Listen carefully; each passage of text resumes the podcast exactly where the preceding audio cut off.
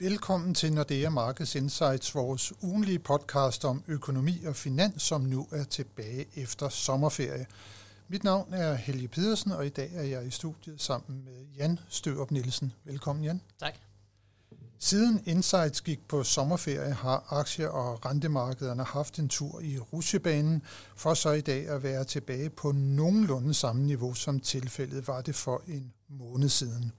Det samme har i store træk været tilfældet for udviklingen på valutamarkedet, hvor dollaren dog er styrket lidt over for den danske krone, mens norske og svenske kroner fortsat ligger underdrejet. På energimarkedet er olieprisen steget, mens øh, gaspriserne, som jo eksploderede sidste år på dette tidspunkt, fortsat holder sig i ro, og det samme er tilfældet for de fleste råvarepriser, til trods for den fortsatte usikre geopolitiske situation. De økonomiske nøgletal peger fortsat på en svaghed i den internationale økonomi, også selvom euroområdet overraskede med positiv vækst i andet kvartal, mens centralbankerne har videreført kampen mod den alt for høje inflation. I USA har Fed nu sat renten op til 5,5 procent, og ECB har sat den op til 3,75 procent. Det skete i slutningen af juli måned, hvor Danmarks Nationalbank også fulgte trop og satte renten op til 3,35 procent, eller det højeste siden begyndelsen af 2009. Eftersom inflationen kun bliver påvirket øh, på den længere bane af de pengepolitiske stramninger, så er det nu et åbent spørgsmål, om det vil vise sig nødvendigt med flere renteforhøjelser – Inflationen blev i juli måned opgjort til 5,3 procent i euroområdet, og det er jo fortsat øh, alt for højt, men øh, som sagt, den er godt på vej ned, og øh, pengepolitikken kommer også til at virke. Men øh, Jan, øh, lad os nu fortsætte med inflationen, for der er jo også kommet nye tal øh, for juli måned for den hjemlige danske inflation, og hvad viste de os? Jamen, de viste faktisk lidt overraskende, at inflationen steg i Danmark op til, til 3,1 procent. Og det er jo, som du også nævnte i din indledning, det er jo stadigvæk betydeligt lavere end i øvreområdet, men, men stadigvæk, øh, vi har ligesom været vant til, at dansk inflation bare faldt og faldt. Siden, øh, siden oktober sidste år har vi faktisk haft 8 måneder at trække med, med faldende inflation, og den, den udvikling vendte altså rundt her med tallene for juli, så øh, lidt højere inflation i Danmark. Men hvad er det så, Jan, der ligesom øh, driver inflationen opad igen herhjemme? Jamen, øh, noget af det er teknik. Øh, vi havde jo det første halvår, hvor afgiften på el var banket helt i bunden, øh, som sådan et forsøg på at, at af, afhjælpe effekterne af den der meget, meget høje elpris, vi havde tidligere. Øh, så der valgte man jo så at, at ligesom fjerne den her afgift, eller i hvert fald sætte den til, til et absolut minimum. Og den, øh, den ordning, den udløb her øh, ved indgangen til juli. Så der er noget af det, altså højere elpriser er noget af forklaringen. Øh, og så plejer vi også at se i juli måned, at priserne på, på simpelthen sommerhusudlejning øh, rejser, at de stiger relativt kraftigt, men vi kan se, at tallene at de er faktisk steget endnu mere i år, end, end de plejer at gøre. Øhm, og det tror jeg også, at, at man, mange danskere kan kende, genkende det her med, at hvis man skulle ud og rejse hen over sommerferien, jamen, så har det været forholdsvis dyrt, og det har også været øh, dyr, noget dyrere, end det, end det plejer at være. Så det er altså de væsentligste årsager til, at inflationen den steg så relativt meget her i øh, juli måned. Men, men ja, en del af det, i hvert fald det omkring energiafgiften mm. eller elafgiften, det har jo været kendt på forhånd, så det har vel ikke været en stor overraskelse. Nej, det var selvfølgelig er det altid svært at, at sådan helt præcist øh, beregne, hvor meget den påvirker. Men det, der er den store overraskelse, det er, øh, som vi snakkede om, det er sommerhusudlejning, Øh, som er steget meget med i pris. Det er pakkerejser, som er steget meget med i pris. Og så synes jeg faktisk også, det er lidt overraskende, at vi ikke begynder at se fødevarepriserne falde tilbage. Vi har jo i en længere periode set de globale fødevarepriser falde relativt kraftigt, men det slår altså ikke igennem endnu øh, i de danske supermarkeder. Øh, tværtimod stiger øh, fødevarepriserne fortsat. Og det, det, det synes jeg faktisk var lidt af en overraskelse. Ja, vel også fordi, at man jo læser meget i medierne om, at øh, supermarkederne de er ved at sætte priserne ned nu, men det virker som om, det kommer til at ske med en ret lang forsinkelse. Ja, og, og ja, altså, de har jo også sat prisen ned på nogle øh, fødevarer, men så må vi bare sige, så har de sat øh, prisen op på nogle andre. Øhm, så, og igen, altså også når vi kigger på sådan de globale fødevarepriser, så, øh, så synes jeg, det er lidt svært at, at forstå, at vi ikke også har set det her øh, prisfald lige nu slå igennem øh, i de danske supermarkeder. Men altså, vi må bare konstatere, at, øh, at fødevarepriserne fortsætter også med at stige i juli måned. Og Jan, hvis vi nu øh, så prøver at kigge sådan lidt nærmere ned i inflationstallene og også kigger på det, som vi kalder for udviklingen i kerneinflationen, altså når det er, at man renser det for uforarbejdede fødevarer for energi, så øh, steg kerneinflationen faktisk her i juli måned, og den kom helt op på 5,3 procent. Hvad er det udtryk for? Jamen det er et udtryk for, at en af grundene til, at vi har den her relativt lave inflation i Danmark, øh, jamen det er, at, at det er energipriser, der trækker ned. Øh, det er lavere, og det er jo fordi, når vi sammenligner øh, med sidste år, der havde vi jo meget, meget høje energipriser, naturgaspriser, elektricitet, benzinpris lå markant højere øh, i samme måned sidste år. Øh, og det er, det er meget det, som ligesom er med til at trække inflationen ned nu her øh, i Danmark. Det er simpelthen de her lavere energipriser. Øhm, øh, og de, de virker ikke i kerneinflation, fordi som du siger, kerneinflation er uden energi, uden øh, fødevare, og derfor har vi, at, at kerneinflation ligger betydeligt højere. Øh, og så synes jeg også, at altså, kerneinflation, det viser også et eller andet sted sådan den underliggende øh, udvikling i inflation i Danmark, specielt serviceinflation, den er altså stadigvæk meget, meget høj. Ja, nu nævner du serviceinflation. Den kom ud øh, her i juli måned med en årsstigningstakt på mere end 6 procent. Ja. Det er godt nok mange år siden, at vi har set servicepriser, der stiger i, i det leje. Ja. Øh, det er vel sådan, at der er en risiko for, at inflationen den kommer til at bide sig fast her, i hvert fald i nogle måneder over de, de 3% drevet af de her relativt høje øh, serviceprisstigninger. Øh, øh, Jamen, det, det, det kunne man sagtens forestille sig. Vi har jo faktisk, at vareinflationen, den er, den er negativ nu, øh, blandt andet jo på grund af lavere fragtrater. Vi kan også se, at producentpriserne har også været faldet temmelig kraftigt. Men det er, det er serviceinflationen, der driver det. Øh, og det, der er udfordringen også for centralbankerne ved serviceinflationen, det er, at den er, den er meget afhængig af udviklingen i lønomkostningerne. Og vi ser jo altså, at lønomkostningerne øh, er steget relativt kraftigt, både herhjemme og også, øh, også i udlandet. Og det slår altså meget hårdt igennem på, på serviceinflationen. Øh, så jeg tror også, vi skal vende os til, at, at inflationen er også på lidt længere sigt, jamen, vi kommer ikke tilbage til nul inflation. Øh, vi skal vende os til en, en betydelig højere inflation. Om den så kommer til at stabilisere sig omkring 2% eller 3%, altså det, det er mere usikkert, men, men, men betydeligt højere inflation end det, vi havde inden coronapandemien. Ja, fordi nu nævnte du, at vi kommer ikke tilbage til nulinflation, Nå. men det er jo ligesom heller ikke målsætningen for centralbankerne. Det er jo, at vi skal tilbage på 2 procent, ja. og der er vi øh, jo på vej også internationalt, men også der, der ser vi jo, at den her kerneinflation, at den bider sig fast, og nu ligger de fleste steder højere end den almindelige inflation. Og det er jo igen udtryk for, at der er noget med tjenestepriserne, og så de her lønomkostninger, som vi også har snakket om tidligere, de påvirker jo servicepriserne meget. Ja, og det er, jo det, det er jo lige præcis derfor, at centralbankerne bliver ved med at holde den her øh, stramme pengepolitik. Også selvom vi jo ser øh, flere steder i Europa, jamen der har økonomien det er jo ikke specielt godt, og alligevel har vi for eksempel den europæiske centralbank, der bliver ved med at signalere, at vi bliver nødt til at, at holde en, en stram pengepolitik også i en længere periode. Og et eller andet sted, altså hvis man skærer det helt ind til benet, så er det jo fordi, de bliver nødt til at, at få styr på, på, på lønomkostningerne, hvis de skal have inflationen tilbage omkring de her 2%. Og altså, der er nok ikke mange andre veje, end at, at det også kræver, at, at arbejdsløsheden begynder at stige, og det har vi jo ikke rigtig set, hverken i USA eller i, i Europa endnu nævner du selv øh, udviklingen i Europa og også med ECB. Vi har sagt, at de har sat renten op nu her til 3,75 procent. Øh, tror du, at det øh, bliver nødvendigt med flere rentestigninger, eller vil man nu sådan vente på, at pengepolitikken den begynder at virke og måske påvirker arbejdsmarkedet og og lønudvikling? Er 3, 3 kvart procent nok, eller skal der mere til? Ja, det er, det er et rigtig, rigtig godt spørgsmål.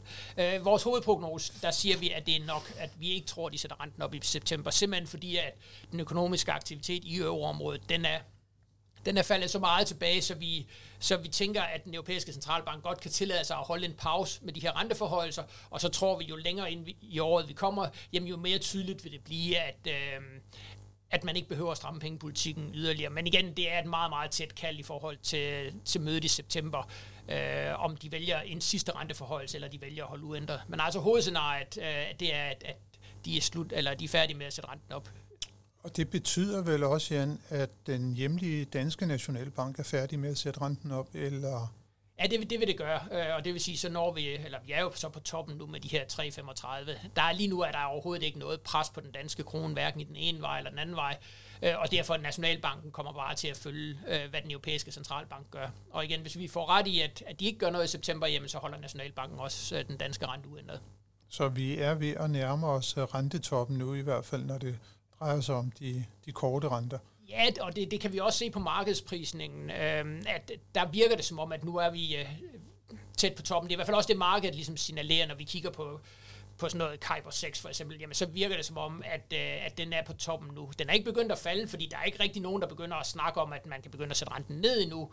Øh, der skal vi formentlig et godt stykke ind i 2024, men, men det her med, at, at centralbankerne nok er ved at være færdige med at i hvert fald sætte renten op, det er også det, der er udtryk i, i markedet centralbankerne, siger du. Hvad med den amerikanske forbundsbank? De er også færdige med at sætte renten op, eller skal vi vente, at der kommer mere der? De annoncerede jo på et tidspunkt, de ville pause, og så relativt hurtigt efter den pause, så satte de alligevel renten op. Skal de sætte renten yderligere op? Ja, at vi har en sidste renteforholdelse i USA øh, på mødet i september. Øh, og grunden til, at vi har det, øh, det er, at den amerikanske økonomi er jo stadigvæk bumstærk. Altså kigger på udvikling på arbejdsmarkedet. Øh, så selvom inflationen jo faktisk falder hurtigere i USA, end den gør i euroområdet, så, så mener vi, at amerikansk økonomi er så stærk, så, så den amerikanske centralbank formentlig lige vil lave en sidste renteforholdelse her på, på mødet i september, men så, så er de også færdige. Øh, og igen, hvis vi kigger på, hvad der er priset i markedet, jamen så siger markedet igen, det er stort set et 50-50 kald om, om der kommer den her sidste renteforholdelse, men, men vi tror på den. Hvis vi så, Jan, øh, kigger lidt længere ud på rentekurven, og hvad skal der ske med de lange renter i det her scenarie, hvor at øh, centralbankerne er ved at have nået toppen? Ja, altså hvis vi kigger på de lange renter, så har de jo faktisk fået et tryk opad her øh, de sidste par uger. Øh, så vi er, ikke, vi er faktisk ikke langt fra, fra sådan toppen på, på, på de lange renter. Øh, og noget af det, der har, eller noget af det, der bliver ved med at presse de lange renter opad, jamen det er jo det her med, at at det går mere og mere op for folk, det her med, at inflationen kommer ikke tilbage til, til nul-inflation, som vi snakkede om tidligere. At inflationen kan risikere i, i flere år frem og, og komme til at ligge på et relativt højt niveau. Øh, og det er jo noget af det, som, som løfter de, øh, de lange renter. Og så havde vi også den her episode med, eller Fitch, der var ude og nedgradere øh, den amerikanske, eller kreditvurderingen på den amerikanske statsgæld. Det var også med til ligesom at, at presse de lange renter højere. Så der er sådan flere faktorer, der har, har løftet de lange renter, også de lange danske renter. Øh, men igen, altså vi, vi tror ikke på, at den her udvikling kommer til at fortsætte. Vi tror på, at de lange renter kommer til at, at, at køre sidelæns igennem resten af året. Men, men igen, altså, der kommer, altså, man skal forberede os på, at der kan komme store udsving undervejs i den her bevægelse.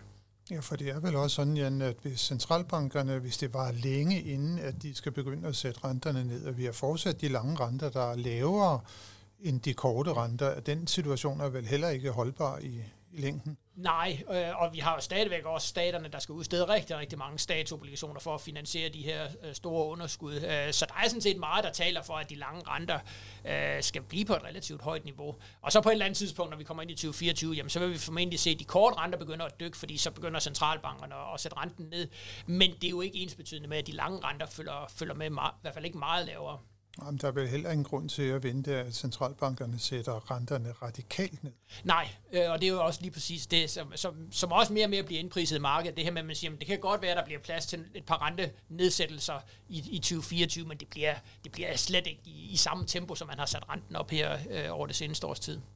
Nej, slet ikke med den uh, usikkerhed, som der jo ligger omkring inflationsudviklingen, som jo godt kan begynde at overraske negativt igen på et tidspunkt, hvis for eksempel olieprisen den fortsætter med at stige. Den er jo steget kraftigt på det seneste. Ja, men lige præcis, og det, er jo, altså, det slår jo meget direkte igennem øh, på, på inflationsudviklingen. Øh, og netop som vi snakkede om tidligere, jamen, altså, den væsentligste grund til, at vi kan snakke om overhovedet, at vi har fået lavere inflation, det er jo lige præcis øh, faldende energipriser, og det er klart, at hvis de begynder at vende rundt, jamen så kan det være et helt andet inflationsbillede, øh, vi ser ind i, og så, så er det bestemt ikke sikkert, at, at centralbankerne er færdige med at sætte renten op.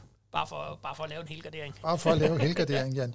Hvis vi lige her til, øh, til sidst omkring sådan vores hovedemne omkring dansk økonomi, også lige skal nævne, hvordan det er, det er gået der øh, hen over sommeren. Hvad har nøgletallene for, for Danmark så vist? Jamen, øh, først og fremmest så har det vist, at industriproduktionen den brager op i Danmark. Øhm, og igen, øh, også som vi har snakket om i en tidligere episode, det er rigtig meget medicinalindustrien, der trækker den her udvikling. Men, men det er virkelig imponerende, så meget industriproduktion bliver ved med at stige, øh, og bliver ved med at udvikle sig markant anderledes end for eksempel i Tyskland og Sverige. Så vi har haft et stort løft i industriproduktionen, vi har haft øh, lidt bedre detaljsalgstal, så alt tyder på, at, at vi får positiv væksttal også øh, for andet kvartal i Danmark. Vi havde jo første kvartal, der overraskede positivt, og den udviklingen ser ud til at være fortsat ind i anden kvartal øh, med, med positive vækstrater i dansk økonomi. Og arbejdsmarkedet er også fortsat stærkt. Ja, altså den her historie, også som vi har været ude med tidligere, med at, at, at nu begynder arbejdsløsheden nok at stige. Altså jo, vi har set øh, en lille bitte stigning i arbejdsløsheden, men jo slet, slet ikke øh, i det omfang, som, som vi i hvert fald tidligere havde troet. Nej, den seneste observation, den viser jo faktisk også, at ledigheden den, øh, den aftog lidt igen i, i maj måned, tror jeg.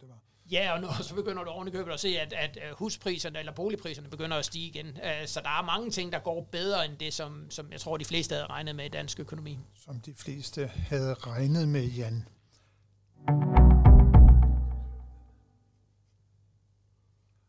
Og som altid øh, i vores insight, så skal vi jo have også et kig på, hvad der kommer til at ske i næste uge, og det er en øh, relativt tynd øh, nøgletalskalender, som vi øh, ser ind i, og vi skal også huske på, når det er, man ser på markedsudviklingen, at det jo fortsat er øh, høj sommerferietid øh, i blandt andet Europa.